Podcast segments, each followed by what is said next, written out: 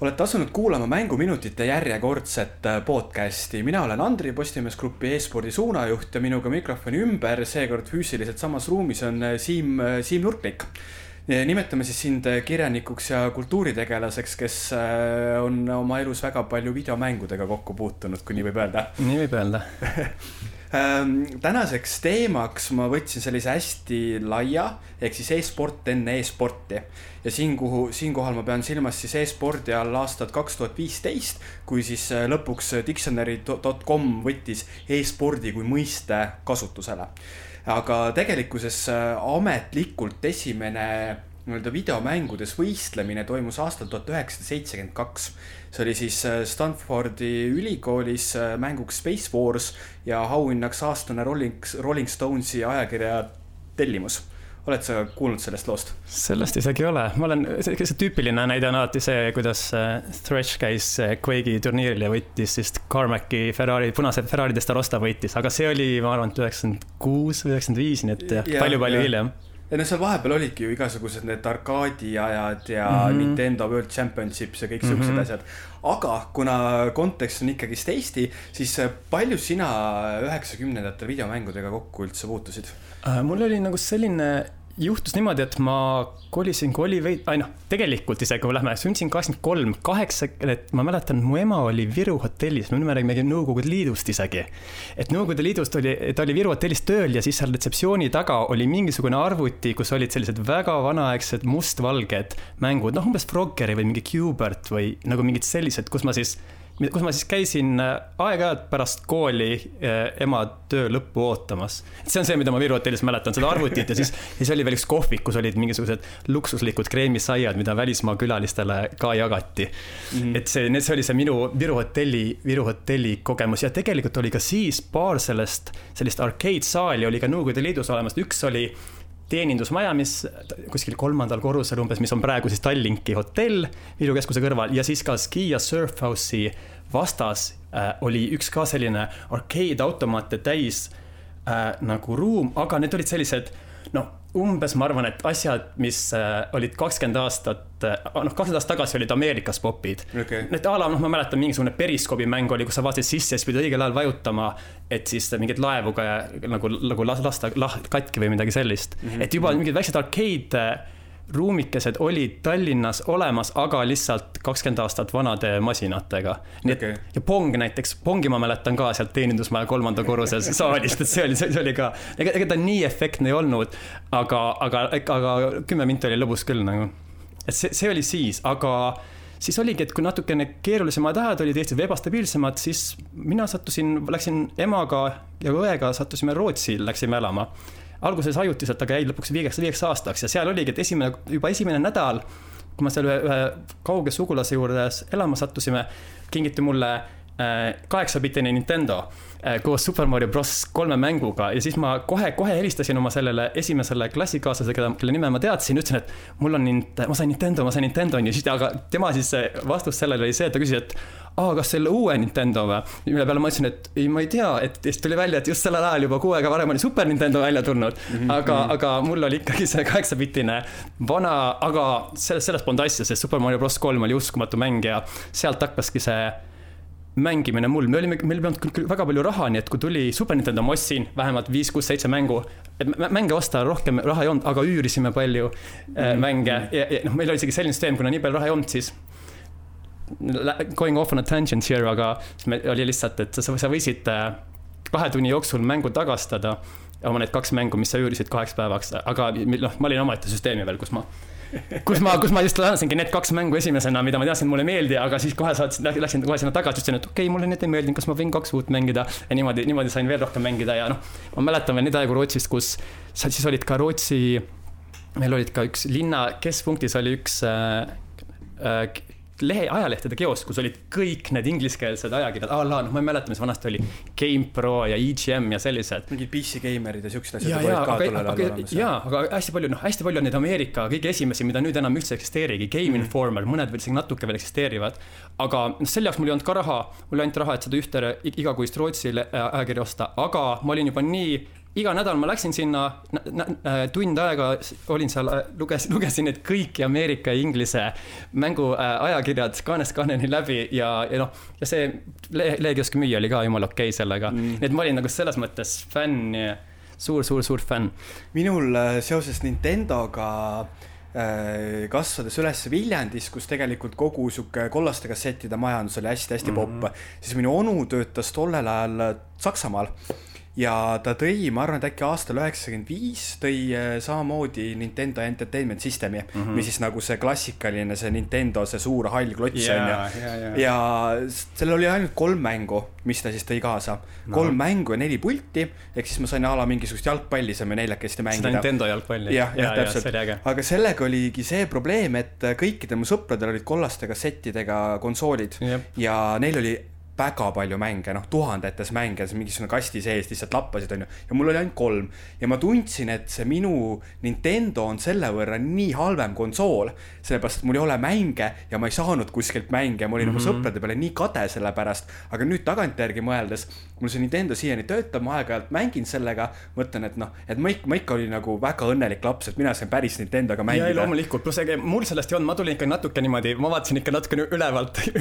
ülevalt alla tendide peale, aga, aga peamiselt sellepärast, et, et oma noh, väga paljusid kõige ägedamaid Nintendo mänge ei olnud tendi peal ja isegi oli, olid nad kuidagi vigased, ainult mingid üks, mm -hmm. üksikud levelid või midagi sellist nagu.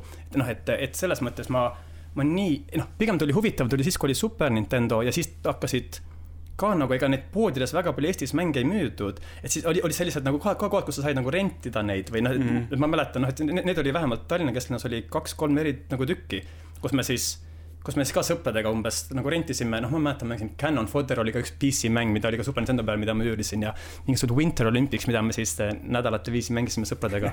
ei noh, meil oligi selles mõttes, noh, et võib ka neid sõpru nimetada, et nagu ongi, et me olime vist seitsme, noh, umbes üheksakümne aastaselt, ma, ma ostsin isegi mult-, oma Super Nintendole ostsin sellise multitäpi, millega sai siis eh, kolm või neli pulti korraga mängida mm -hmm. osades mängudes. ja, ja siis ma lõingi oma, oma kahe lapsepõlvesõbraga Paavo ja Paul Piik, kes praegu veavad seda kinoteatrit ja tegelevad sellega, et meil oli noh, me lõime oma, just sellesama kolme puldiga, mängisime International Superstar Soccer Deluxe oli see, ehk siis see oli selle Konami PES-i nagu jalka algus ja, ja ta oli ropult palju parem kui, noh, selles mõttes ma ei tea, noh, praegu mulle, ma ei võta seisukohta PES versus FIFA, aga sellel ajal oli see, oli see Konami mäng tohutult palju parem, FIFA oli, oli, oli suht lootsetu ja igav mm. -hmm. nii et me mäng-, meil oligi mitte ainult, et me mängisime kolmekesti, igalühel oli omad riigid ja korraldasime suuri turniire, vaid meil noh, on siiamaani kodus vihikuid ja vihikuid sellest, kuidas me lõime tabeleid noh, me isegi tegelikult seal ju jalgpallis sööte ei ole, nii et me iga kord, kui oli värav, värav tuli, me vaatasime sellest kordusest, kes ikkagi söötis üks või kaks sööti, panime selle kirja,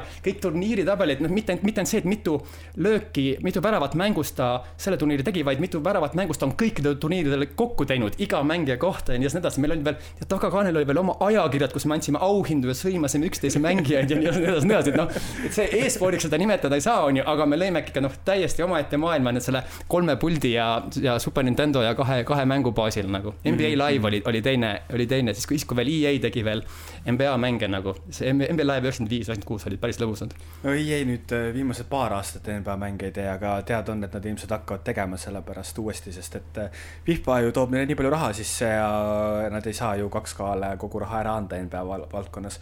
aga nüüd äh, räägiks siis konkreetselt sellest üheksakümnendatest ja põhimõtteliselt siis Eesti äh, A, nagu siis e-spordi eelsest ajast. et noh, mina Viljandi poisina ei tea mitte midagi sellest okay.. et mis, mis siis sellel ajal Tallinnas toimus, mis siin tehti? no selles mõttes oli huvitav aeg, et see oli just see aeg, kus äh, nagu inimesed olid mängudest juba teadlikud, noh eri, eriti need noh, originaalmängud olid veel ikkagi omaette, noh et isegi mina oma Viimsi, Viimsi perekonnast, isegi mul oli võib-olla kaks või kolm originaalmängu, need olid lihtsalt nii uskumatult kallid. et enamasti oli ikkagi piraatkohad, kus sa said siis, kas siis osta, osta mängu või siis niinimetatud jutumärkides üürida mängu, et siis kopeerida kõik need äh, mängud endale, aga mis oli, noh, et huvitav oli see, et oli üks hetk, kus noh, kuskil vist üheksakümmend kuus, üheksakümmend seitse kus inimesed olid mängudest, arvutimängudest teadlikud, eriti noored, aga internet ei olnud veel päris nii kiire, et sa oleks saanud nagu online mängida.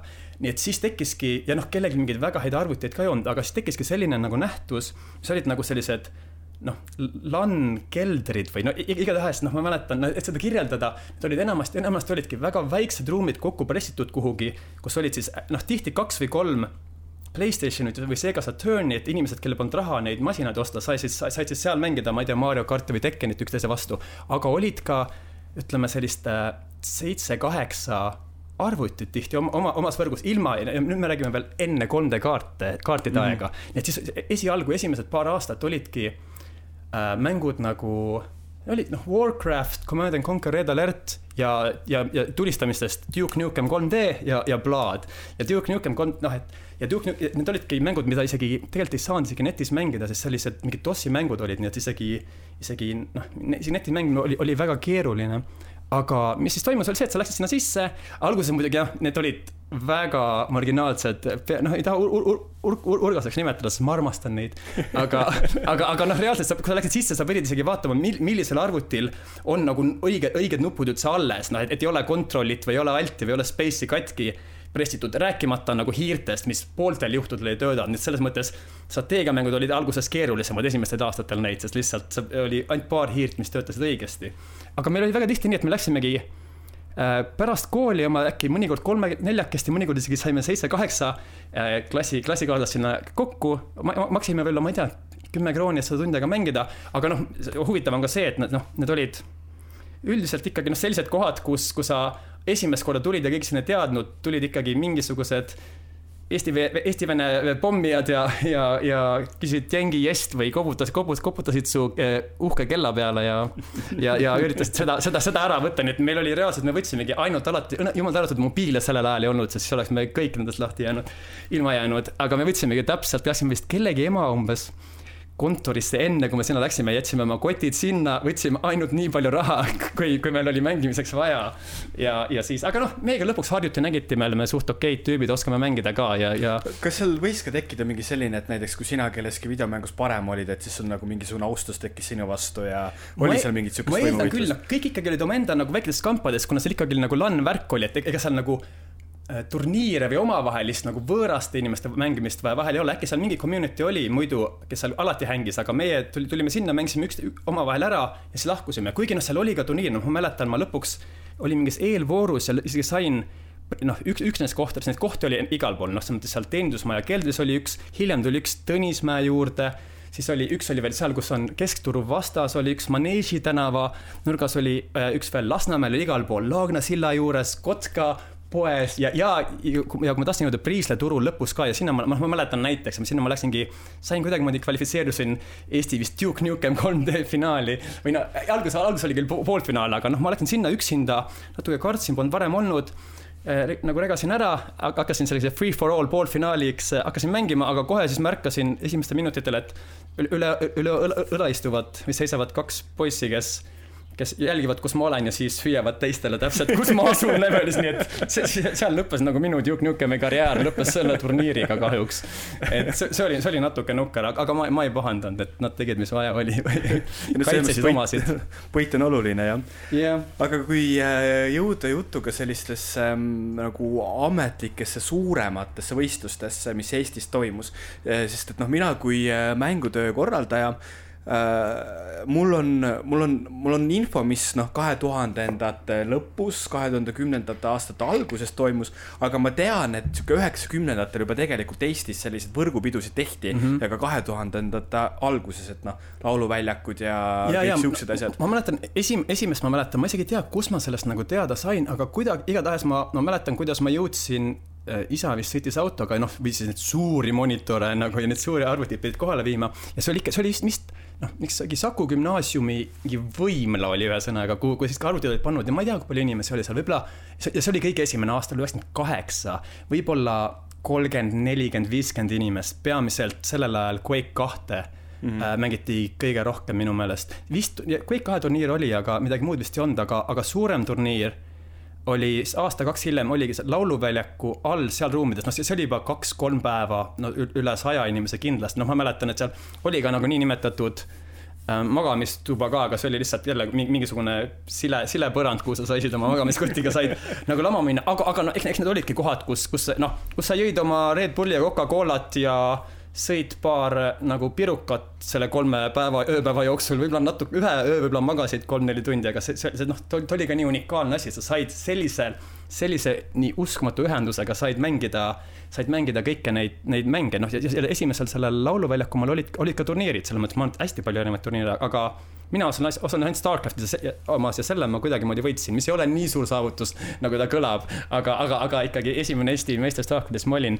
ja, ja, ja teine, teine aasta, kui oli aasta hiljem, kus toimus juba seal näituste paviljonis ka vist üsna küllaltki suur võrgupidu.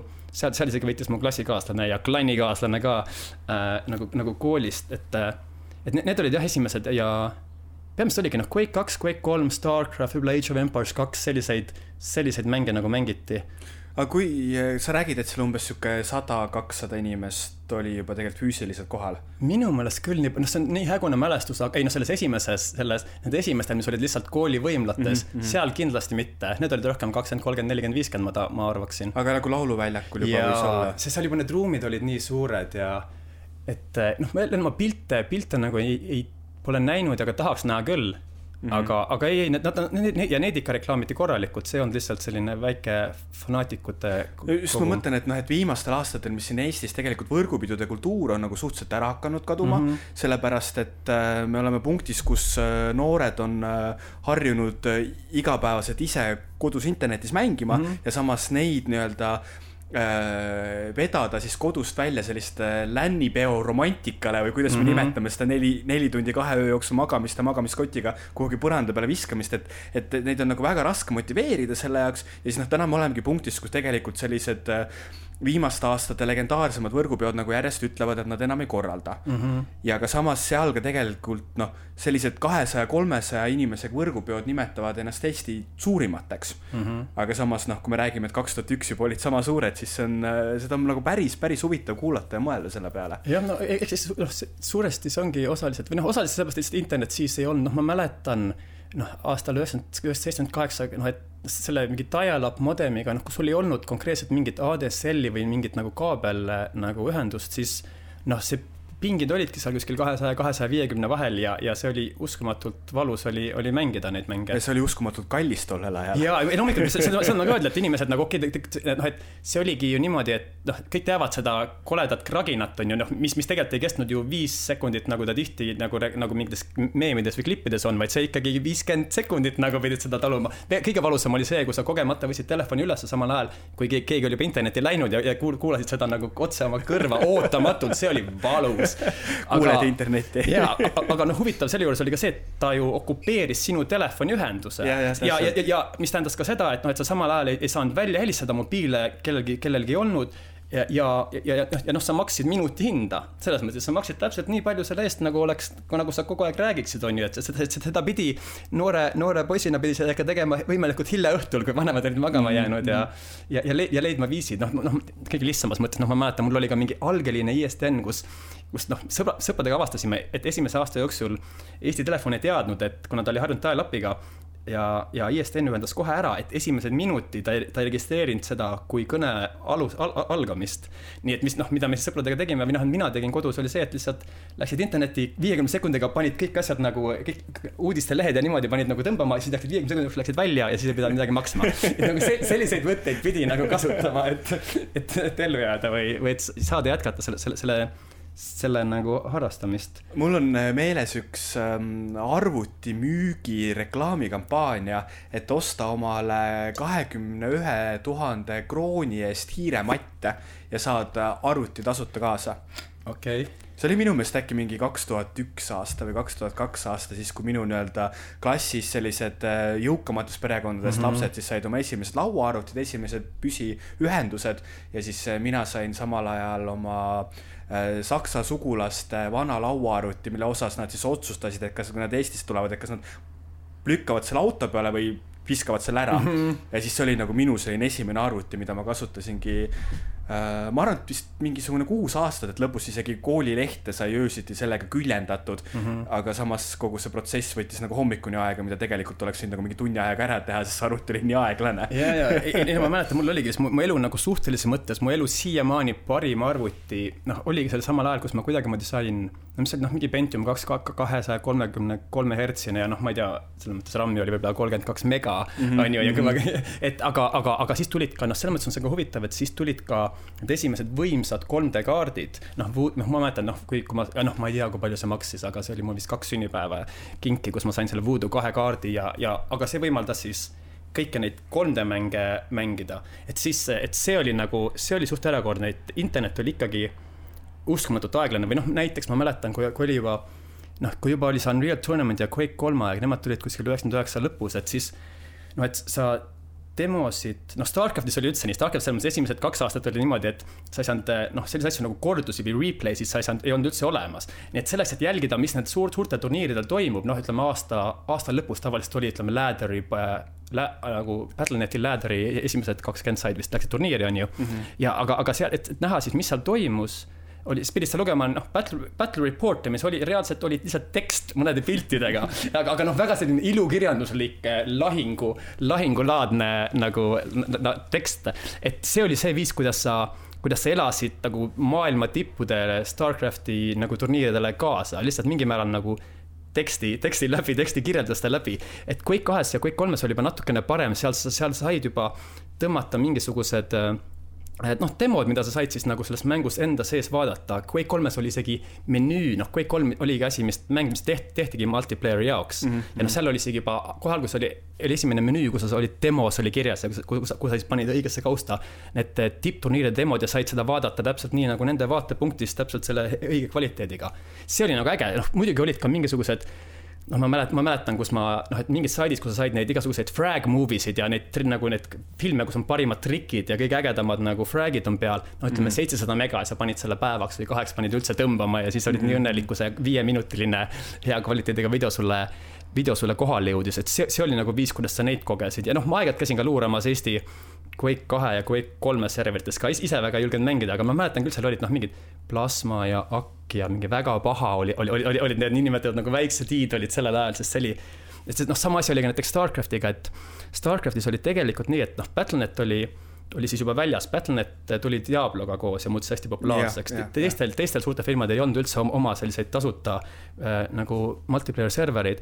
aga Battle.netiga oli see huvitav, et kohe alguses ta, ta viskas sind niimoodi armsalt vanamoodsalt äh, nagu riigis, riigi serverisse või noh, riigi, riigi chat'i nagu a la, et mis seal oli, noh, Brood War Est1, aga seal Eestis kedagi väga ei olnud, nii et no mis meie, mis mina tegin, et lihtsalt saada mingit tüüpi community't otsida äh,. oli, oli see, et me lihtsalt läksime ühe selle klassikaaslasega läksime nagu Brood War GBR1 nagu siis Great Britan'i nagu põhikanal ja noh, peamiselt inglise keele tõttu, et seal me saime nagu rääkida samas keeles inimestega ja, ja, ja saime nagu selle nagu mitte ainult selle nagu community osaks, vaid vaid tegime isegi nagu lõime isegi klanni nagu punkt exe oli nagu nime lõpus, mis, mis oli omamoodi, siiamaani ta, ta on ikkagi suht äge en,, enamasti klanni nimed vähemalt siis olid ikkagi üldiselt lihtsalt nagu need äh, mingid raudsulud ja siis kaks suurt tähte seal sees on ju, aga meil mhm. ikkagi oli, oli mingi nimi ja see oli punkt exe niimoodi väikselt nagu faili nimed või. kuigi noh, kuigi ametlik nimi oli vist mingi The X-Files, mis oli, mis, mis, mis, mis, mis siis tundus lahe, praegu, praegu enam mitte niivõrd.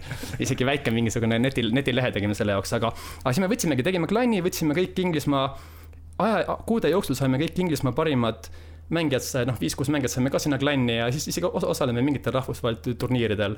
noh, kõige paremad me ei olnud, aga, aga, aga kogu, kogu see community värk oli väga eriline, sest noh, me peame ka meeles pidama, et see oli aeg, ütleme üheksakümmend viis kuni, no vähemalt kaks tuhat viis, kus internet ei olnud nagu mingil määral tavaelu pikendus, noh, kus sa mingil määral ikkagi hängisid, suhtlesid nende samade inimestega, kes sul muidu füüsilises maailmas või koolis mm -hmm. olid olid, olid sinu ümber, vaid ta oli ikka reaalne nagu alternatiiv selles mõttes, et ta oli nagu teine koht, kus sa eriti kui sa olid natukene võib-olla introvertsem või natukene nagu kooli pähe tuupimine või rangus väga ei sobinud. noh, koht, kus sa said teiste inimestega suhelda ja, ja, ja, internet sellel ajal ei olnud nagu see mingi kapitalismi ja massiidiootide poolt nagu üle, üle võetud niivõrd, vaid ta oli, seal ikkagi olid nagu noh, raha polnud üldse nagu, rahaga tegemist, raha eksisteerinud praktiliselt. olid ja, ja väga vähe inimesi oli, aga kõik need inimesed olid üldiselt nagu pigem noored ja pigem väga arukad, sest juba interneti enda minek, sinna sisse minek oli juba küllalt keeruline mm, -hmm. ja nišivärk. et seal oli, ma olin väga paljudes eri foorumites, kus said nagu mingeid jutumärkides sügavaid vestlusi, ma ei tea, filosoofilistel teemadel pidada või lihtsalt siis hängida inimestega nagu ja noh, näiteks needsamad inglise tüübid, kellega noh, ICQ, noh siis olid ju kõik veel, ega enamikud mingisugused foorumid nagu chat'i programmid, noh, kõik need asjad olid juba siis olemas, noh, bulletin board'id, ICQ oli, IRC oli chat imiseks mm -hmm. ja nii edasi. ja, ja hästi mõnus community oli, ma isegi käisin Inglismaal, lõpus käisin külas või noh, me tegime sellise, need Inglismaa Starcrafti tüübid tegid Stratford upon Avon, mis on vist Shakespeare'i kodulinn, nagu hästi, hästi armas, seal tegid suvel tegid mingi väikse LAN-i, kus ma isegi läksin kohale ja ja mängisin seal Quake kolme ja Starcrafti nendega väga palju ja väga mõnus oli neid ikkagi ka füüsiliselt näha mm. -hmm. eks see, see suhe oli mõnus ja soe ka ilma, aga, aga füüsilist, füüsiliselt nagu perspekt-, nagu füüsiliselt inimesi kohtuda tegi selle natukene reaalsemaks. kas sa oled nendega praegu ka veel suhtluses? väga, üks, üks nendest tuli natukene vanem, tuli isegi tuli, tuli siia Eestisse isegi elama mingi mõned aastad ja äkki siiamaani elab, noh, pea, osaliselt muidugi sellepärast, et ta siin siis tegeleb, siin on nagu kuidagi maksude tõttu parem pokkerit mängida, netipokkerit või midagi sellist. aga ta oli juba siis nagu, noh, väga palju üldse Starcrafti mängijad läksid pokkerisse mingi hetk üle, sest see on lihtsalt okay. samamoodi puuduliku informatsiooni ja vastase kohanemisega nagu mäng mm. -hmm. et, äh, et, et jah, ei, aga see, see oli ka huvitav lugu, ma mäletan, üks, üks nendest klanni liikmetest Eh, noh, mis, mis praegu muutus huvitavaks, et kunagi rääkisime, lihtsalt rääkisime mingit omaette juttu, ta rääkis oma vennast, kes nagu vanemast vennast, kes kes siis olevat, noh, rääkis, et okei okay,, ta, ta disainis nagu mingit tehisintellekti selles Theme Park'i mängus, mis oli. ja, ja, ja, ja, ja rääkis, et ka, et noh, ta praegu üritab mingit oma mingit keerulist Republicu nimelist mängu teha. Äh, aga, ja siis ta noh, siis ma sain nime teada, aga siis mul tuli nagu paar aastat hiljem tuligi, tuligi välja, et noh, seesama tüüp, kellest ta rääkis, kes oli ta vanem vend on nagu, nagu Teemis Asabis, kes praegu siis seda Google, Google'i OpenMind'i juhib. ja on okay, nagu number okay. üks ai autoriteet kogu maailmas. et no ma siis mäletan, kuidas, kuidas tema väike vend rääkis, et ja, ja mul on jumala, jumala arukas, jumala arukas vanem vend, kes nagu mängudes te te tegeleb nagu tehisintellektiga ja üritab mingit oma äh, poliitilist simulaatorit teha. ja mida ta üritaski, aga millest väga välja midagi ei tulnud, aga. okay., aga tuleme nüüd tagasi korraks Eesti e-spordi juurde, et äh, kuidas sa hindad praegu tagantjärgi, et mis tasemel tollel ajal Eesti e-sport nii ürituste kui ka mängijate oskuste mõttes oli? Nagu raske võrrelda või noh, selles mõttes, et kõige, kõige lähem võrdluspunkt on Skandinaavia, aga lihtsalt Skandinaavia on noh, selles mõttes ta on ju viimased kakskümmend viis aastat, iga kord, kui tuleb mingi uus online mäng, nagu need esimesed, või noh, Skandinaavia on tipus seal kohe. selles mm -hmm. mõttes, et mhm. ükskõik, mis mäng see oli, noh, eriti, eriti sel ajal Starcraft nagu Rootsi ja Norra olid, olid väga-väga tugevad peale Korea ja Ameerika. ja noh, Soomlas, Soomes oli ka üks ja, kes. Quake ühes oli totaalne nagu totaalne äh, soomlaste, rootslaste, norrakate nagu dominatsioon ja noh, kui see mm -hmm. ja, ja, ja Counter Strike tuli, siis olidki ka mm -hmm. kõik tipp, Rootsi domineeris täielikult. aga nagu. kas see võis olla sellest, et äh, ma tean, nii palju, kui ma Eesti kohta paari e-spordi siukse rahvusvahelise nimega olen rääkinud, on öelnud, et noh, et, et miks me ei tegele sellega Eestis, et meil on, meil on ju nii halb ilm et, et see on nagu, et noh, et suruge seda, et teil on halb ilm, tegelege e-spordiga, sest et siin on nagu ideaalne keskkond mm. -hmm. aga seal Soomes, Rootsis, Norras, seal on ju veel parem keskkond selle jaoks seal on veel halvem kõik. kui, kui huvitav, et Inglismaa, kus, mis, mis on ka nagu mingil määral Põhja-Euroopa koos meiega, on ju, et sealt päris nii palju pole tulnud, aga, aga noh, Rootsi tõttu noh, olles ise ka Rootsis nagu üheksakümnendatel elanud, et seal jah, see nagu digitaalse, nagu digi-, digitaalne levik ja interneti levik heal tasemel, see oli, see oli Inglismaa nagu Rootsis väga tubli, ega pole, pole juhus, et Pirate Bay ja SoundCloud ja Spotify ja kõik sellised asjad said mm, -hmm. said just Rootsis, noh, on, kõik Rootsi firmad, noh, selles mõttes mingil määral Skype ega saa ka, on ju et äh,. ära anna Skype'i ära neile, Skype on Eestile ma tean, okei okei kõik on Eesti kõik on Eesti aga kui nüüd rääkida sihukestest kahe tuhandenda keskpaiga asjadest, palju sa siis veel nagu Eesti e-spordiga kokku puutusid uh,? ei no, noh, ma tean, aga ikkagi ma tahaks öelda, et Quake'is me olime, Quake'is me olime head ja, ja, ja, ja tegelikult noh, kui me vaatame ka Counter Strike ja Starcraft ja, ja väga palju teisi mänge, ega noh, just selline Venemaa, Ukraina, Valgevene, ega see Ida-Euroopa on ka, on tegelikult suht okei okay, nagu, nagu esi, esindatud heade tüüpidega igal pool eri, ja eriti nüüd, kui meil noh, selles mõttes noh, meil oli ju see Dotas oli ka oli üks tüüp ja okay., ja nüüd. jah, siiani on. jaa, täpselt isegi, ta on vist üks kõige kuulsamaid automängijaid üldse, ma ei ole muidugi auto, auto ekspert, aga nii nad, nii nad väidavad, Youtube'is on ta, on ta paljudes klippides ja et no, ei no mingil määral see kõik taandub ju noh, kui internet on, taandub interneti levikule ja, ja siis ta taandub mingil määral äkki kliimale, aga, aga teine peamine kategooria on lihtsalt rahvaarv nagu selles mõttes mm. -hmm. et see ei ole, ei ole niimoodi, et mingi, mingi rahvus on noh, kuidagimoodi geneetiliselt suurema soodumusega, mõned, mõned rahvused äkki on rohkem competitive, aga noh, samas Rootsi ei ole nii competitive ja seal on ropult nagu neid tippe, tiputüppe ka, on ju. ma mäletan mingisugust, kas see võis äkki kaks tuhat viisteist olla, kui tehti neid edetabeleid äh, riikide kontekstis, kui palju antud riigi mängijad on e-spordis teeninud raha mm. -hmm. ja siis oli, et Eesti oli neljandal kohal mm. -hmm. ja see oli ainult tänu papile, et seal mm -hmm. ülejäänud olidki mingi USA ja Jaapan ja kus olid nagu mingisugune kakssada mängijat ja kolmsada mängijat yeah,. ja siis oli Eesti üks mängija, mingi üks koma kaks miljonit dollarit mm. -hmm. et see oli see koht, kus oli nagu väga-väga äh, uhke olla, aga samas nagu sellised äh, e-, Eesti praegu e-spordi staarid nagu Pappi ja Rops ja kõik siuksed mm -hmm. tüübid, et nad, äh, et noh, kuna e-sport oma olemuselt on ta ei ole nagu riikide keskne, et kui me räägime nagu tavaspordis, et meil on Eesti koondis ja meil on Eesti suusatajad mm -hmm., kõik siuksed asjad, et siis minu meelest tänu sellele, et e-sport on internetis, me räägime ikkagist nagu maailma kodanikest mingil määral, ei no, ei no tuleb, tuleb, noh, siin tulevad mängu kaks, kaks level lisa, lisatasandit, üks on mingil määral regioon, mis puudutab lihtsalt servereid ja nende mm -hmm. nagu ühenduskiirus ja nii edasi, aga, aga teine eriti tiimisportides on ju, on, on keel. noh, aga mis, mis, mis, muidugi Eestis pole nii suur probleem äh, selles mõttes, et me oleme inglise keeles väga head, on ju, aga, aga noh, me ikkagi näeme suht palju nagu Rootsi, Rootsi meeskondi ja Prantsuse meeskondi ja nii edasi, noh, CS, CS-GO-s näiteks. et, äh, et selle, selle, noh, äkki lihtsalt seda kriitilist ei noh, selles mõttes, et võib-olla, et noh, kriitilist arvu statistiliselt, et, et saada omaette tiim Eestis küll kõrgel tasemel on, noh, meil on veel see eesti, eesti ja vene keele lõhe ka, on ju, selles mm -hmm. mõttes. et äh, see võib olla raske, aga, aga ma arvan, et nagu rahvusvaheliselt kuhugi jõuda võib suht okei okay olukord olla. noh, vähemalt noh, eriti kui me seda toetame noh, mina olen actually nagu isegi, isegi nüüd jälginud märksa rohkem CS-GO-d, kui, kui ma, kui ma tegin nagu viis või kümme aastat tagasi.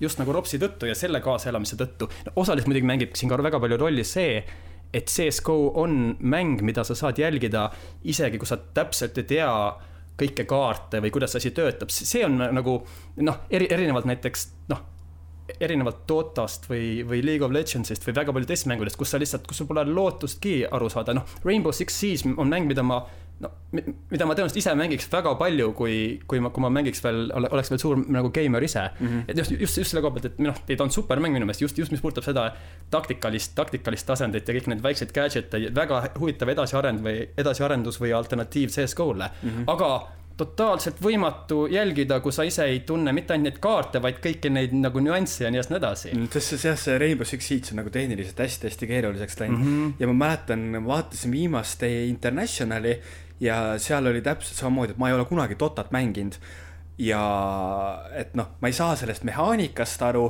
sul ekraan on nii värviline, seal kõik need, kui need viis ja viis, kui need tiimid nagu seal keskel kokku saavad ja seal hakkab see lahing pihta mm, -hmm. sa ei saa mitte midagi aru aga samas räigelt põnev on mm. -hmm. ja siis need kommentaatorid veel karjuvad ka ja siis ta tegi seda ja siis ta tegi seda ja siis ma mõtlen, et kuidas nad nagu sellest kümnest asjast, mis seal korraga ekraani peal juhtus, saavad aru, et mis see üks oli, mida ta nüüd tegi. ja, ja, ja aga, aga, aga, aga millised eelteadmised, noh, mulle tundubki, et isegi Rainbow Six Siege mul natuke on, noh, okei okay,, et Total on mingi üle saja karakteri, ma mõtlen, et kas esiteks, noh, kas tõesti neid nii palju on vaja, on ju, et mm -hmm. erinevad tüpaažid ja värgid, noh, et ma lihtsalt tean, et noh, Starcraft'is on ka mingid kakskümmend unitit igal, igal rassil, aga, aga noh, ei ole, ei ole vaja sada, sest kakskümmend sa juba erinevad, kõik erinevad tüübid ja tüpaažid ja variandid oled nagu, saad esindada ja omavahel klappida. et noh, minu meelest Rainbow Six Siege ka, miks, et seal on ka juba see nende operatorite arv väga-väga kõrge, kõrgele tõusnud, on ju, noh, mitte et ma muidu aru saaks, aga, aga, aga, aga ma arvan, et kui me räägime just nagu e-spordi populariseerimisest, on ju, siis see on nagu noh, on kaks viisi, kuidas e-sport võib populaarseks saada, üks on see, et väga palju mängivad seda ühte konkreetset mängu, teavad, tunnevad seda väga hästi ja siis äh, jälgivad ka nagu parimaid erinevates turniirides. aga, aga see teine on, teine on äkki see nagu üldine, üldine värk, kus, kus saavad ka jälgida inimesed, kes ise seda konkreetset mängu nagu läbinisti ei tunne. et, et see, see, see on nagu üks noh, näiteks noh, noh, muidugi lähevad sinna alla kõik nagu vormelid ja Fifad on ju, aga noh, siis ma, ma, ma võin ka ju, okei okay,, praegu ei või vaadata päris vormelit ja päris jalkat, aga, aga ülejäänud ajal nagu võin. aga noh, huvitav nagu Rocket League on selles mõttes päris huvitav, mida, mida sa võid, mida sa saad mingil määral isegi aru, isegi kui sa pole seda peaaegu kunagi mänginud. ja, tuleb ka mingi, kuna see Rocket League'is on just see millimeetrine nagu kohandumine ja kiired reaktsioonid ja õhukontroll ja kõik see on nii tähtis. noh, mis on enamasti see, mida me ka päris spordis imetleme. me võib-olla võib isegi ei tea kõiki reegleid, aga, aga just need mingisugused füüsilised pingutused või, või nagu sooritused või nagu mm. see, see, seda tüüpi meisterlikkus, seda me, seda me ju imetleme peaaegu igas spordis ja enamik sporte me saame jälgida ilma et me teame mit, peaaegu mit, midagi sellest, on ju. Rocket League'iga on minu meelest, äh, et noh, kui sa ei ole seda kordagi mänginud ja kui sa vaatad mingisugust professionaalset e-spordi turniiri, siis äh, seal tekib tunne, et need autod päriselt lendavadki mm. -hmm. aga olles seda mänginud ja, ja mitte osates neid autosid lendama pannes, et see, seal on see moment, et ma nagu imetlen seda oskust, aga et noh, et kui sa võtadki nagu tavaspordialat, oletame, et noh eestlane vähemalt korra elus on suusatanud, ta saab sellest eh, mehaanilisest tegevusest aru ja mm -hmm. saab mhm. aru, mis eeldus ja mis tööd see nõuab mm. -hmm. aga Rocket League'i puhul ongi see, et noh, et sa vaatad, seda kõik tundub nii ilus ja vaatemänguline mm -hmm. ja sa paned selle ise käima ja sa väga kiiresti saad aru, et, et sa ei oska seda ja, mängida. selles mõttes, selles mõttes vist ongi Rocket League, olles ise ka seda natukene proovinud või noh, et sõpradega nädal aega tagasi natukene kolmekesti mängisime ka väga algajal, alg-, algajalikul tasemel, aga see on super lõbus.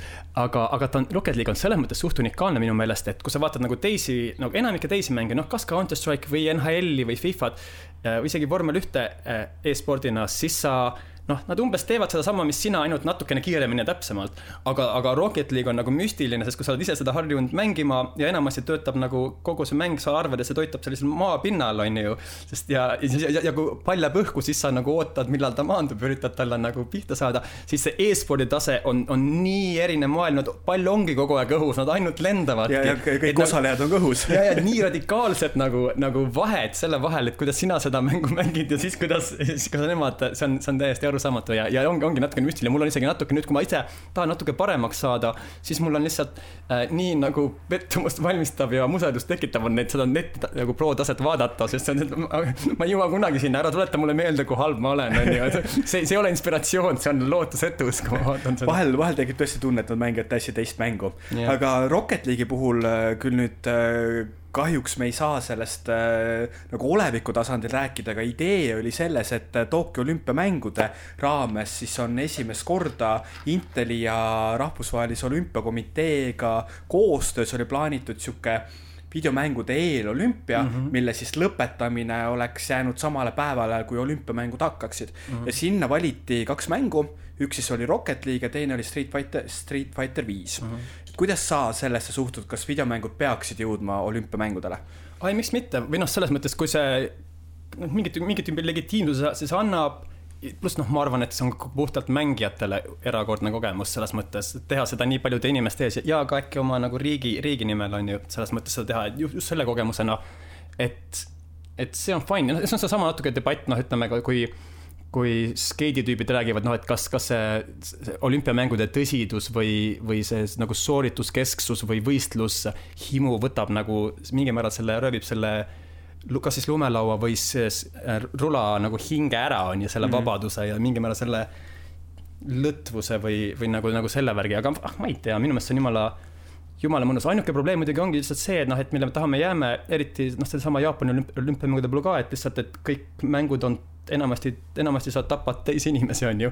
et no olgu, kas siis nagu koomiksi tegelasi äh, nagu LOL-is või Dotas või nagu mingisuguseid roboteid nagu Starcraftis või siis reaalselt nagu lased inimestele pähe nagu Rainbow Six Siege'is või, või CS GO-s on ju mm. -hmm. et see võib-olla, see jääb pealt pealtnäha jääb nagu võib-olla hirmutavaks inimestele, kuigi ma ei tea, äkki see, ka see karantiini asi on natukene inimestel või noh, inimeste suhet äkki internetiga nagu vähem hirmu, hirmunuks teinud. ma ei tea. aga, aga noh, aga noh, see, isegi see Street Fighter viie nagu, nagu kaasamine isegi oli natuke üllatus, see on ka lõppude lõpuks peksmine, on ju. aga ikkagi koomiksi baasil ja, ja, ja noh, selles mõttes ikkagi fighting game community on ikka väga, väga omaette asi ja, ja väga, just väga huvitav ja tihti ka inspireeriv osa just sellest samast e-spordi community'st, sest mm -hmm. selle baas on ju arkaadsaalid ja füüsiline kokkusaamine ja mingid väiksed regionaalsed armsad nagu rivaalsused ja nii edasi, olgu see Smash Brothersis või Street Fighter viies või midagi sellist.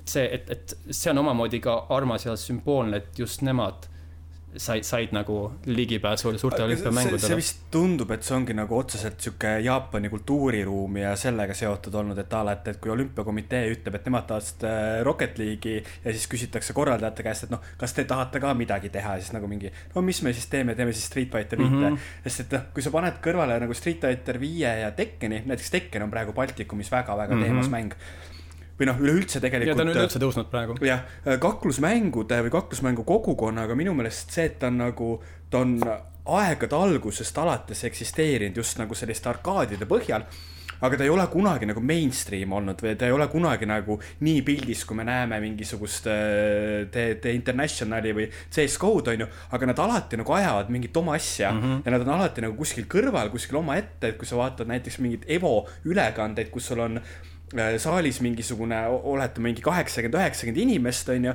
siis sinna tulevad need mängijad, kelle nimesid ma ei oska öelda, kellel on niisugused karvased mütsid peas, onju. Mhm.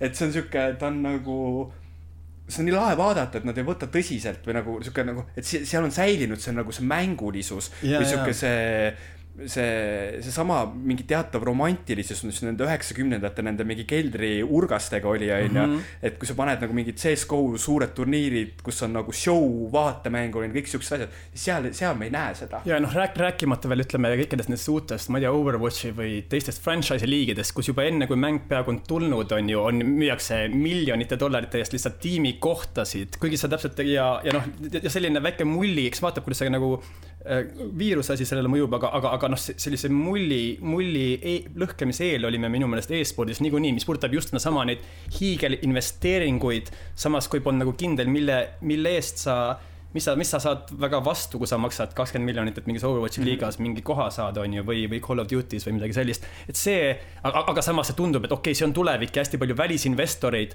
kes lähevad nagu haibiga kaasa, aga mängust, aga süsteemist või tööstusest või mängudest endast midagi väga ei tea jah, et see nat-, natuke see vahepeal see mure, murettekitav oli nagu ja, ja just selle kõrval on, on fighting game community'l alati jalad väga maas olnud selles yeah. mõttes, et see on väga armas ja mõnus, mõnus nagu vaheldus olnud selles, jah äh,. mulle Eestis käib äh, natukene pinda see, et äh, äh, kui me räägime või nagu kasutame mõistet e-sport, siis tegelikult me peame tihtilugu silmas sihukest videomängude kultuuri üldiselt ehk siis, et äh, e-sport on sihuke kena seksikas väljend mm, -hmm. kõik on seda kuulnud, aga kui me räägime nagu või võtame kasutusele sõna nagu videomängud, siis ah, see on mingi laste teema, vaata, et sellest ja, me ei räägi, onju. aga noh, tegelikkuses me oleme punktis, kus e-sport oma kogu käibest on ju tegelikult mängutööstuse käibest alla ühe protsendi mm. -hmm. see on nagu aasta kaks tuhat kaheksateist, kus siis oligi, et oli vist kogukäibe, kogukäive mängutööstusel oli sada kuuskümmend, sada kolmkümmend kuus miljardit ja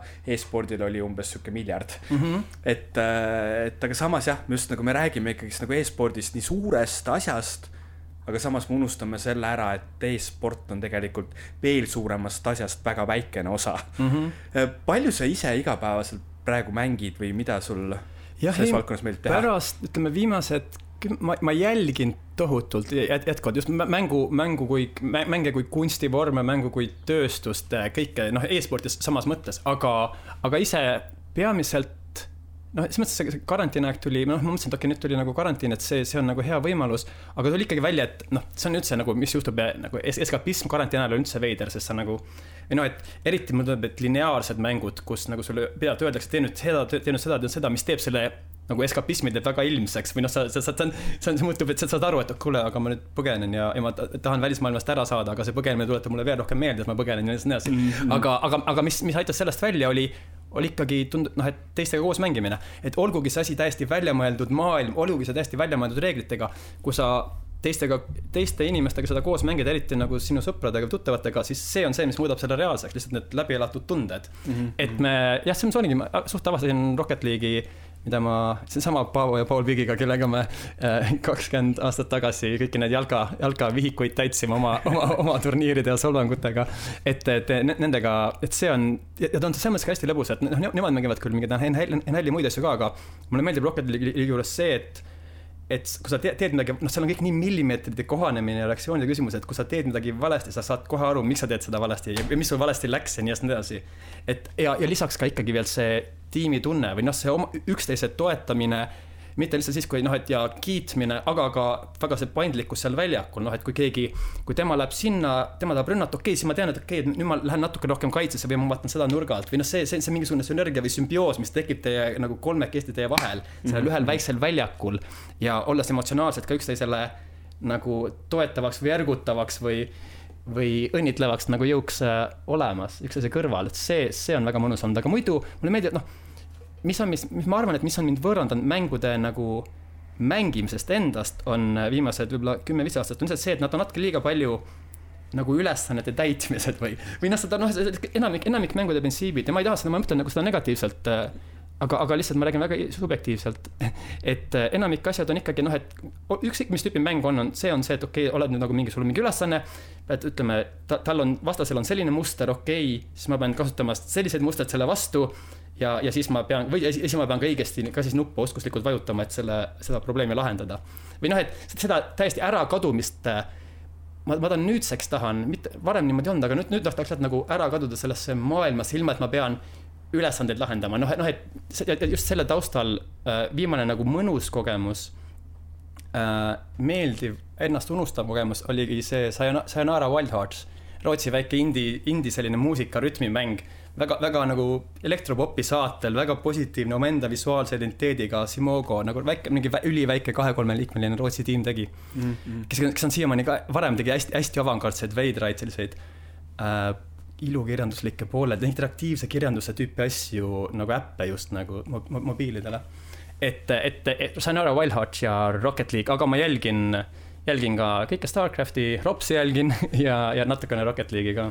seoses selle karantiini ja ühismängimisega Maailma Tervishoiuorganisatsioon tegi väga-väga huvitava lükke yeah.. et kui ta nüüd mõnda aega tagasi, nad võtsid arvesse või nagu kinnitasid ära, et videomängude mängimine on haigus mm, -hmm. äh, siis ta nüüd ametlikult tegelikult, mis ma vaatasin, pidi vist kaks tuhat kakskümmend üks esimesel jaanuaril siis minema nii-öelda selle äh, haiguste nimekirja. või noh, sõltuvushäire või midagi sellist, käitumishäire. ja siis Võib nüüd, äh, kui kui, äh, kui kogu see karantiini ja see ülemaailmne eriolukord tuli, siis nad väga avalikult võtsid sõna, et inimesed, mängige videomänge ja mängige just selliseid videomänge, mis äh, viib äh, inimesi omavahel siis virtuaalses maailmas kokku mm. -hmm. eks sa nagu unustaksid ära selle fakti, et sa tegelikult oled üksinda korteris kinni, sa ei tohi välja minna, sa ei näe inimesi. et noh, mina, kes Äh, elasin äh, või nagu va kolisin vahetult enne eriolukorda esimest korda elus üksinda elama mm, -hmm. siis minule kogu see mm, see, see olukord, kus sa nädalas äh, korra või nagu kogu sinu nii-öelda inimlik reaalne suhtlus on mingisuguse toidukulleriga, kellele sa nagu ütled läbi ukse, et jäta kott siia. parimal juhul. jah, ehk siis, et, et olles nagu sellises punktis ja siis samal ajal öösiti mängida sõpradega näiteks Call of Duty't koos mm, -hmm. mida mul tegelikult mänguna mulle üldse ei meeldi see mäng, aga mis nüüd äh, viimane Call of Duty tegi, on äh, see ristvõrk mängimine. ehk siis äh, mina arvutiga saan mängida oma konsooli omanikest sõpradega. ehk siis, et see on nagu minu silmis hästi harukordne, okei okay,, meil noh, Rocket League tegelikult on samamoodi teinud, Fortnite teeb mm -hmm. samamoodi. aga et, et just see, et järjest enam nagu ka mängutööstus saab aru sellest võimust või nagu sellest võimalusest, mida tegelikult see meedium pakub, eriti sellises olukorras, kus äh, reisida ei saa, sul tegelikult, me oleme elanud nagu globaliseerunud maailmas, kus noh mm -hmm., mul sõber Hollandis äh, igapäevaselt suhtlen, nägin viimati kaks aastat tagasi, onju. Mhm. et, et just see, see, see võimalus, mida siis läbi selliste mänguliste keskkondade lähe, lähendada või nagu sul oli siis see Starcraftise sõpradega mm -hmm. kokkusaamine on ju. et see on tegelikult, see on, seda on väga-väga tore näha ja mul on hea meel, et ka nüüd Maailma Tervishoiuorganisatsioon saab sellest aru. ja, ja, ja aga, aga ma tahaks ka siin, et mitte ka, no et see oli ka kohe näha vist, ma mäletan, et mingi uudis oli esimestel päevadel, et elektroonikapoodides on eriti populaarseks muutunud just need kõrvaklapid koos mikrofonidega on ju, kas inimesed saavad aru, et okei okay,, et need noh, neid on vaja, et suhelda ja olla, olla teistega koos ja mängida, aga aga, aga mulle tundub ka, et vähemalt indiskeene on ka natukene avastanud just selle nagu mingit tüüpi couch co-op'i või couch comparative asja ka, sest nende samade sõpradega, kui me ei mängi Rocket League'i koos, siis nagu noh, vahepeal oli Overcooked oli populaarne, on ju, Towerfall Ascension on väga lõbus selline neli inimest, neli väikest tulistajat sõdurit korraga ekraanil üksteise vastu võitlemas ja nii edasi, ja noh, see oli, see oli ka ju tegelikult nende LAN-pidude noh, kas siis kolmekümne inimesega või ainult kolme-nelja inimesega nagu erakordsused ka, et sa noh, et mitte ainult see, et sa nagu äkki tapsid oma sõbra Call of Duty's nagu salaja ära, vaid et sa said ka just näha tema näoreaktsiooni täpselt sellel hetkel, kuidas sa, kuidas sa tegid. noh, loomulikult ja, ja ma ei taha, ma ei taha alavääristada äh, öelda, et see, see, see, see, see, kui sa kõrvaklappidega mikrofoniks teed, see ei ole päris, muidugi on päris mm, -hmm. aga, aga, aga ka ikkagi äh, et aga ka see noh, et mitte, mitte ka unustada seda, kui sa oled noh, seda võlu ja lõbu ja era-, väikest maagi-, maagiat, mis, mis tuleb selle kaudu, kui sa oled lihtsalt sama, sama ekraani all ja saad üksteist natukene narrida või vähemalt väga koostööd teha ja nii edasi, et see, see on ka väga, väga erakordne asi. kusjuures jah, sa mainisid seda couch go-up äh, žanrit, ma olen ise hästi suur selle žanri fänn, ehk siis äh, kuulajatele seletan ära, couch co-op põhimõtteliselt mõistena tähendabki seda, et äh, inimesed mängivad ühe ekraani taga. mis nüüd noh, tänapäeval tehnoloogilises võimekuses on see, et sa ei pea füüsiliselt ühe ekraani taga olema, aga et su kogu nagu mängutegevus on jaotunud ühele ekraanile. siis äh, minu jaoks kuidagi see Sun kuskil kahe tuhandendatel tegelikult nagu suri ära mm. -hmm. sest et noh, üheksakümnendatel ta oli väga tugevalt olemas just tänu konsoolidele ja kõigele sellele ja siis tänu internetile vist, ma ei tea, otsustati, et see ei ole enam lahe, aga nüüd äh, noh, just seesama Overcooked ja Needhog ja mm -hmm. kõik sellised asjad, Raymanid ja et seal on nagu äh, see oma olemuselt on nagu täpselt selline asi, et, äh, et kus aga sa saad kaasata sõpru, kes muidu ei mängi. ja seal on see, et sa mitte ei mängi nagu üksteise vastu, okei okay,, tihti mängid ka üksteise vastu, aga väga palju on ka sellised, kus sa nagu mängid üksteise poolt mm. -hmm. ehk siis, et kuidas te nagu koos mängite ühiselt mängu vastu. ja Nintendo on seda muidugi alati, seda peab nende kiitusega ütlema, et Nintendo on seda alati nagu kõr-, kõrgel hoidnud, nagu noh, alates muidugi noh, ma noh, Nintendo kuuskümmend neli oli üldse ju esimene konsool, kus oli noh, ma rääkisin enne multitap'ist, mida pidi ostma lisaseade, et mängida nagu neli, neli mäng, mängijat korraga. Nintendo, Nintendo kuuskümmend neli nagu alustas ikkagi selle, kus sul oligi neli, neli puldi ava oli seal sees mm, -hmm. mis, mis oli nagu hämmastav siis, kui ta tuli. ja, ja noh, rääkimata Mario kardist, aga, aga ta on ka needsamad nullindad, kus teised nagu unustasid ära ühe ekraaniga koos mängimisse, siis pigem just Nintendo vastupidi, noh, ma mäletan, ma mängin, mängisin oma Wii peal ka äh,, noh, vana Wii peal äh, õe poeg, kes on selline seitsme-kaheksa aastane, isegi kes väga mingi viiatselt ei osanud väga pultidega midagi teha, aga näiteks Super Mario Galaxy kahes üleüldse nagu erakordne mäng, aga seal sai teine, noh, Nintendo oligi niimoodi teinud, et teine mängija sai lihtsalt olla üks väike täheke seal peal ja, ja nagu ausalt juhtinud seda tegelast, aga sai nagu koguda, koguda mingeid boonusasju või aeg-ajalt visata mingeid asju nagu va, va, nagu va, vastaste peale. sai sind aidata, aga ei pidanud, aga tundus, et tund-, tundis, et me olime koos selles mängus mm. -hmm. kuigi meie tasemed on uskumatult erinevad, on ju mm. -hmm. et see Nintendo on nagu, seda peab neile credit'i, credit'iks andma, et nemad on, nemad on oma seda algset filosoofiat nagu hoidnud hoidnud tipust nagu väga-väga kaua ja see on väga ilus ja imetlusväärne. jah, see Nintendo mängud ongi sihuke täiesti nagu omaette mängužanr või kuidagi nagu kogu see mängudisain, mida nad on suutnud teha see on, see on jah, imeks. ja ei, see on, see on hästi huvitav, noh arvestades, et meil, meil on tegemist nagu ühe kõige suurema ja, ja kindlasti kõige nagu vanema firmaga üldse, et, et nad on ikkagi nagu noh kui kõik muud on, kõik muud on väga noh, läinud nagu läinud börssidele ja microtransaction itesse ja kõige tähtsam on lihtsalt ja teevad reboot'e ja kõige tähtsam ongi lihtsalt, kuidas nagu võimalikult palju raha teenida, siis nagu Nintendo kui nagu kõige vanem ja kõige suurem firma on, on ikkagi noh, on, ta, on nagu omamoodi nagu indie-firma või noh, et ta, tal on oma filosoofia selles mõttes mm., mida ta on kinni hoidnud ja, ja mitte ainult seda, et tal on nagu oma filosoofia, kui me, kui me vaatame ka noh, lihtsalt Nintendo minevikku noh, eriti, eriti seda aega, no millest, millest me varem rääkisime, ega Nintendo on ka olnud uskumatult innovaatiline. et noh, kui me, kui me mõtleme, ja ma ei räägi lihtsalt, et noh, et tema kind of isegi leiutas mängu, mängud, vaid me noh, ma räägin ka 3D, 3D see esimene pult, mis oli Nintendo kuuekümne neljaga on ju, noh, Nintendo kuuekümne neljal oli ju tegelikult juba Rumble Pack, Wii oma motion sensoritega mm -hmm. on ju, et tal on, tal on nii palju selliseid, noh, kõik need su suuremad edasihüpped ongi tegelikult Nintendo nagu väikse hiigel Nintendo, vanamoodne Nintendo on teinud. kõik kõige nagu suuremad innovaatilised äh, hüpped just nagu konsolimaailmas maailmas mm.. internetti no. väga ei oska, aga kõike muud oskab väga hästi nagu. no muidugi, mis minu jaoks Nintendo kõige suurem saavutus on see, et Sony hakkas tegema konsoole.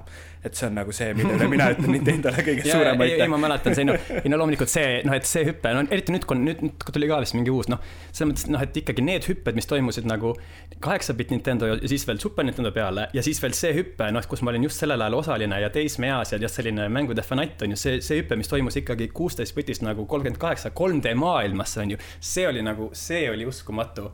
et selles mõttes oli ka me nagu praegused, praegu on küll tore, et natukene laadimisajad on väiksemad ja, ja, ja, ja mingi valguspeegeldus on vist natukene parem, aga, aga, aga, aga ei noh, see, see, see, see hüpete aeg oli, oli väga-väga erakordne, oli selle, mitte ainult nagu selles, selles osa olla, selles mm -hmm. mõttes ja ma, ma isegi, vanasti isegi kirjutasin ka või noh, ma ei olnud, lugesin ajakirju, aga kunagi isegi oli noh, rääkides mänguajakirjadest, siis noh, vanasti oli ka need, isegi need olid kallid või noh, ma mäletan Stockmannis oli umbes ainult kaks äh, mängude ajakirja, huvitaval kombel üks oli Edge, mis on nagu selline üks kõige tõsiseltvõetavamaid asju. et see, see oli äge, et Stockmann vanasti ainsad mänguajakirjad, mis ta tellis, oli Edge ja siis oli, üks oli mingi Computer and Video Games, mis oli natuke selline koomiksilik värk. Koomiksilik nagu lihtne, rohkem lastele mõeldud ajakiri, aga ma mäletan, see oli Soome Pelit oli ka, on ju mm. -hmm. mida, mida ma ka käisin seal lugemas pidevalt, aga, aga sellega polnud, polnud ka raha, et mis, mis ma seal tegin, vabandust, Stockmann oli see, et sellel ajal oli veel pastakaga kirjutatud selle Computer and Video Games'i nagu kaanele oli nagu hind kirjutatud, mis oli seitsekümmend viis krooni vist nagu. ja mida ma siis korduvalt tegin, korra jäin ka peaaegu vahele, oli lihtsalt ma läksin sinna salaja oma pastakaga, tegin seitsmest, tegin kolme ja siis läksin ja siis läksin lihtsalt kassasse, korra isegi, korra isegi turvamees, kolmas kord, kui ma seda tegin. ja siis turvamees isegi võttis mind vahele, onju, et kuule, et sa nägid jumala kahtlane närvis seal nurgas välja, onju, mis sa. ja siis viis, viiski mind kõrval tuppa seal Stockmannis, aga noh, mul ei olnud, mul ei olnud midagi taskutes nagu ei jäänud vahele, kõik ma. jaa, ma nägin väga kahtlane kindlasti välja, aga aga noh, need olid, need, need olid nagu need ajad, et, et jah, ja siis noh, see oli, oli ka PC-kaubamaja, kus olid nagu mingid üksikud noh, PC, paar, paar aja, paar ajakirja veel olid siis, aga noh, selles mõttes on, on praegu on, on kindlasti palju parem, et kõik see ligipääs ja, ja, ja selles mõttes on ka mõnus, et kuna ma ise sotsiaalmeedia inimene ei ole, aga Youtube, Youtube'i ma kasutan nagu väga aktiivselt just, just selle koha pealt, et noh, et mul on tohutu palju kanaleid, mida ma jälgin ja nii. et seda on väga meeldiv olnud jälgida, et isegi kui ütleme, paberajakirjandus on taandunud, siis äh, Youtube'i kanalid, kanalid, mis väga huvitavalt analüüsivad või nagu räägivad äh, mäng, mängudest, videoesseede, videoesseede läbi või mingi disaini nagu analüüside läbi, neid on tohutult palju. Youtube'i kanalid, mis lihtsalt hästi kaasahaaravalt ja arukalt ja sügavalt nagu toovad erinevaid tahke, erinevaid tundmatuid mänge, erinevaid minevikke mänge, analüüsivad disaini perspektiivist kõike, kõike, kõike mänge, et selles mõttes Youtube on väga, väga, väga, väga mõnus koht, kus on arukas mängu, mänguanalüüs.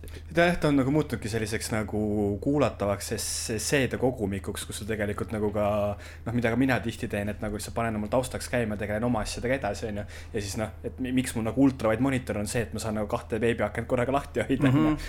aga rääkides nendest mängutööstuse hüpetest, siis tegelikult tegelikult ju praegu viimastel aastatel me näeme, okei okay,, areng äh, on küll minim-, nagu sihuke noh, ta ei ole nii suurte hüpetega mm -hmm. enam, siis me tegelikult oleme päris kaugele jõudnud, okei okay,, nüüd selle aasta lõpus me näeme äh, üle kaheksa aasta oodatud uus, uut konsoolipõlvkonda mm, -hmm. aga virtuaalreaalsus mm. -hmm kuidas sa sellesse suhtud? ma, ma algusest peale, noh, enne, enne juba no ütleme viis aastat tagasi, midagi sellist, kui hakkas juba, et ma olen, olin noh, kuna ma jälgisingi rohkem, vähem mängijana, rohkem kui lihtsalt vaadata, kuhu see asi läheb.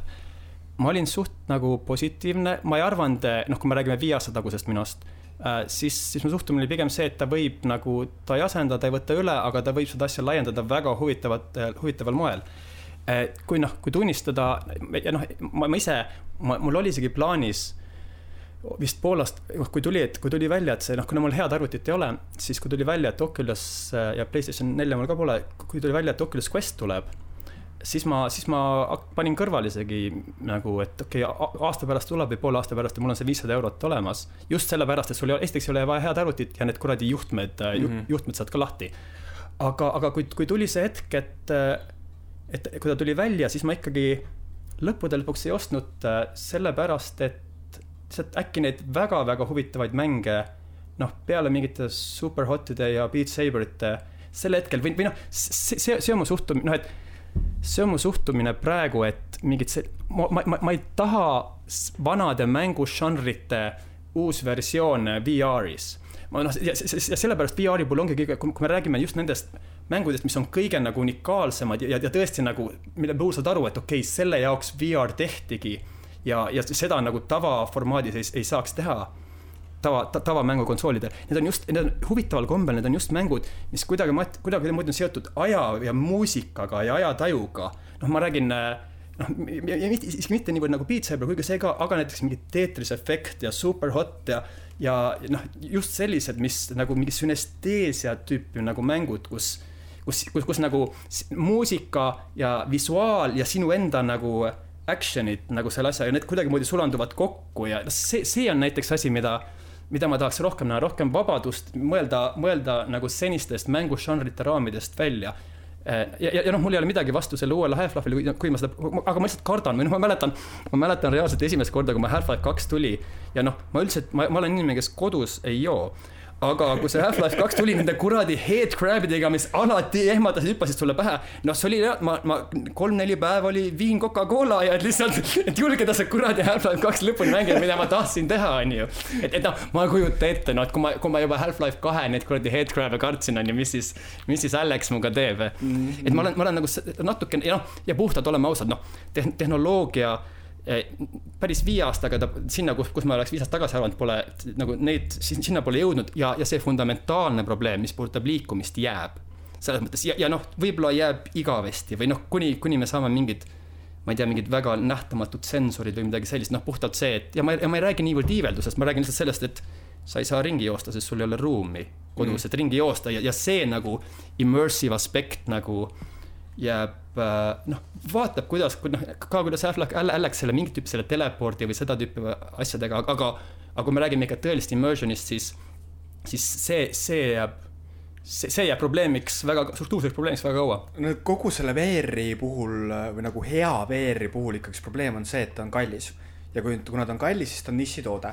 ja kuna ta on nišitoode, siis seal väga ei julgeta katsetada asju. okei okay,, jah, meil on nagu Half-Life Alyx on ju noh, Superhot on väga hea näide selle kohta, et kuidas see algselt peale oli tegelikult mõeldud VR-mänguks, aga tüüpidel ei olnud raha, et seda teha VR-i peal, on ju. Mhm. aga samas meil tegelikult ju, ma lugesin kuskil mingisugust uudist selle kohta, et neid VR-mänge, mis on nagu raha teeninud et põhimõtteliselt sul ongi ainult Beat Saber ja sul põhimõtteliselt ongi ainult Super Hot ja siis sul põhimõtteliselt on nimekiri läbi mm. -hmm. et okei seal, seal see on mingi job simulator võib-olla ka on ju. seal nagu mingisugused teosed olid veel, aga tegelikult noh, et see ongi ikkagi selline nagu suurte poiste mänguasi veel siiani. et mina olen küll erinevaid äh, tehnilisi lahendusi proovinud, mis siis peaks nagu võimaldama sul selle ruumis ringi jooksmise tunnetuse ala kuni sinnamaale välja, et sul on mingi jalgade küljes sensorid ja siis sa is, is, istud tooli peale, siis nagu jalad käivad mm, -hmm. et sõidad tooliga ringi või siis need, kus sa nagu põhimõtteliselt tripud mingisuguse konksu otsas ja sul on all sellised golfi või vabandust, bowlingu kingad ja siis nagu libistad seal või mm, -hmm. või siis sul on mingid rullid, mille peal sa lased, onju. aga et noh, et selles mõttes, et kui sul VR-seade on kallis, siis sul need seadmed on veel kallimad ja veel kohmakamad. aga, aga samas jälle, noh, aga sellepärast ma just Oculus Questi tõingi, et noh, kui me räägime ikka kajastust kasutus, kus konsoolid, rääkimata mingitest kuradi iPhone idest on ju, maksavad, maksavad peaaegu tuhat, on ju, või noh, selles mõttes, et ja, ja, ja Oculus Quest on viissada, siis see ja, ja noh, ja võtame arvesse ka seda, on ju, et tegelikult just see VR-i nagu võib-olla kõige parim müügi, müügi nagu punkt see, et ta, ta ikkagi on kogemuslikult esma es, es, esim-, esmakorral on ta ikkagi suht revolutsiooniline või noh, sa, sa võid, sa võid anda ka oma kuuekümne-aastasele või seitsmekümne aastasele sugulasele ja, ja ta on selline, et noh, ta on hämmingus sellest, kui tehnoloogia on jõudnud ja nii edasi, on ju. et aga, aga jälle seal on ka see, et noh, seal on ka nii, noh see on, see on kas esimene kord, ka mul oli esimene kord natukene nii, aga teine ja kolmas võib-olla enam mitte nii, on ju, ja, ja ta on ka väga kurnav nagu, mis puudutab äkki aega või noh, sa ei saa, sa, sa noh, see, see juba, see objekt ise su peas või see intensiivsus, mis tuleb. et noh, ma ei tea, kas sa päris kolmeks-neljaks-viieks tunniks ära sinna kaod, mis on ju ka natukene nagu meelelahutuse mõte või mm. -hmm. et äh, aga, aga ei, noh, ma arvan, et ma, ma olen, ma arengut jälgin huviga, ma arvan, et praegu me oleme, võtame alles esimesi samme ja nii edasi, nii edasi. aga natukene, eriti noh, Oculus Questis vähemalt seda, et, et ta nagu et ta maksab palju, seda nagu probleemi on ju ei ole et ma, ma ei ole Oculus Questi nagu neid numbreid vaadanud, noh, ja eks Alex aitab sellele kaasa. aga, aga, aga jah, mingid. Alexit sa ei saa Oculus'e peal mängida. ei saa, Questi peal ei saa või? aa, no siis on, see on väga halb ju äh,. minu meelest või Kindel, ma ajan praegu äh, pada, sest et ta on ju Valve'i, äh, Valve'i mäng mm. -hmm. ma, selle ma pean kiiresti järgi kontrollima.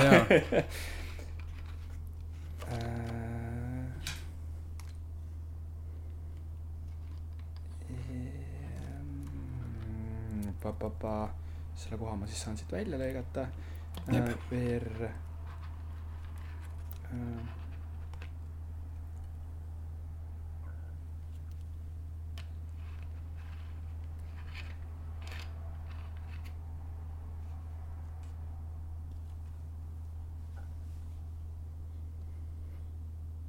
Aa ikka, töötab jah? ja, ja, ja. töötab, töötab, okei okay., mõtlesin, mõtlesin kuidagi, et Valve nagu teeb mingisugune kinnise ainult vaata enda nende Vive'ide asjade peale mm, -hmm. see selleks.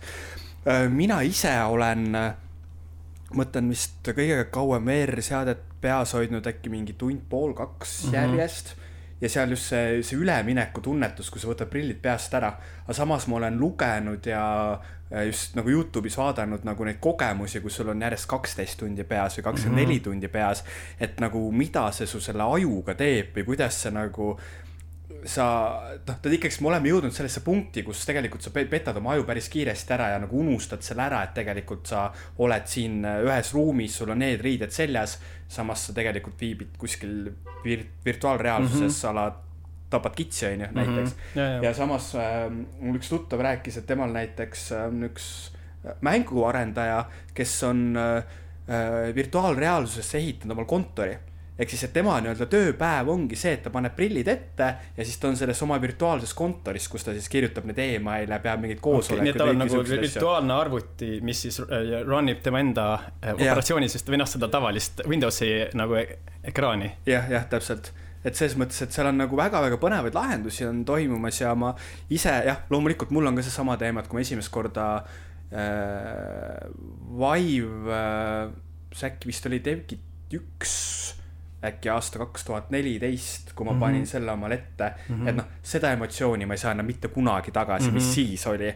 aga kõik järgmised nagu kaabatuvad selle kõrval, aga samas nad on nii palju paremad et, et kindlasti see on nagu koht, kuhu me liigume ja mida mugavamaks ja mida odavamaks, seda, seda rohkem ma arvan, et me näeme ka seal huvit-, huvitavaid mänge. jah, ma tahaks rohkem lihtsalt selliseid veidraid, sürre, unikaalseid äh, kogemusi, mis just nagu mingit tüüpi aja ja ruumi ja, ja selle, seda tüüpi asjadega nagu, nagu võib-olla rohkem mängib, noh, kuigi need on natukene nagu alternatiivsemad või äkki nišikamad või avangardsemad, aga, aga noh, lükakegi seda, sest noh, võib-olla ka üks põhjus, miks ta ei ole nii veel peavoolul läinud, on noh, peale selle, et ta noh, et, et kõrvaltvaates ta võib natuke tobe välja näha, kui sa ise teed, on ka, on ka ikkagi see, et sa oled väga isolatsioonis ja see on natuke nukker, on ju, või noh, selles mõttes, et ta ei noh, et erinevalt näiteks Wii nagu pool keeglimängust on ju, kus sa said koos oma just noh, seesama see koos sotsiaalse nagu elemendi nautimine, mis see tähendab, ma olen ka vaadanud muidugi, olen ka vaadanud väga palju just nagu VR chat'i videosid, kus, kus on ka eriti vähemalt alguses noh, iga tehnoloogia või iga uus keskkond alguses on väga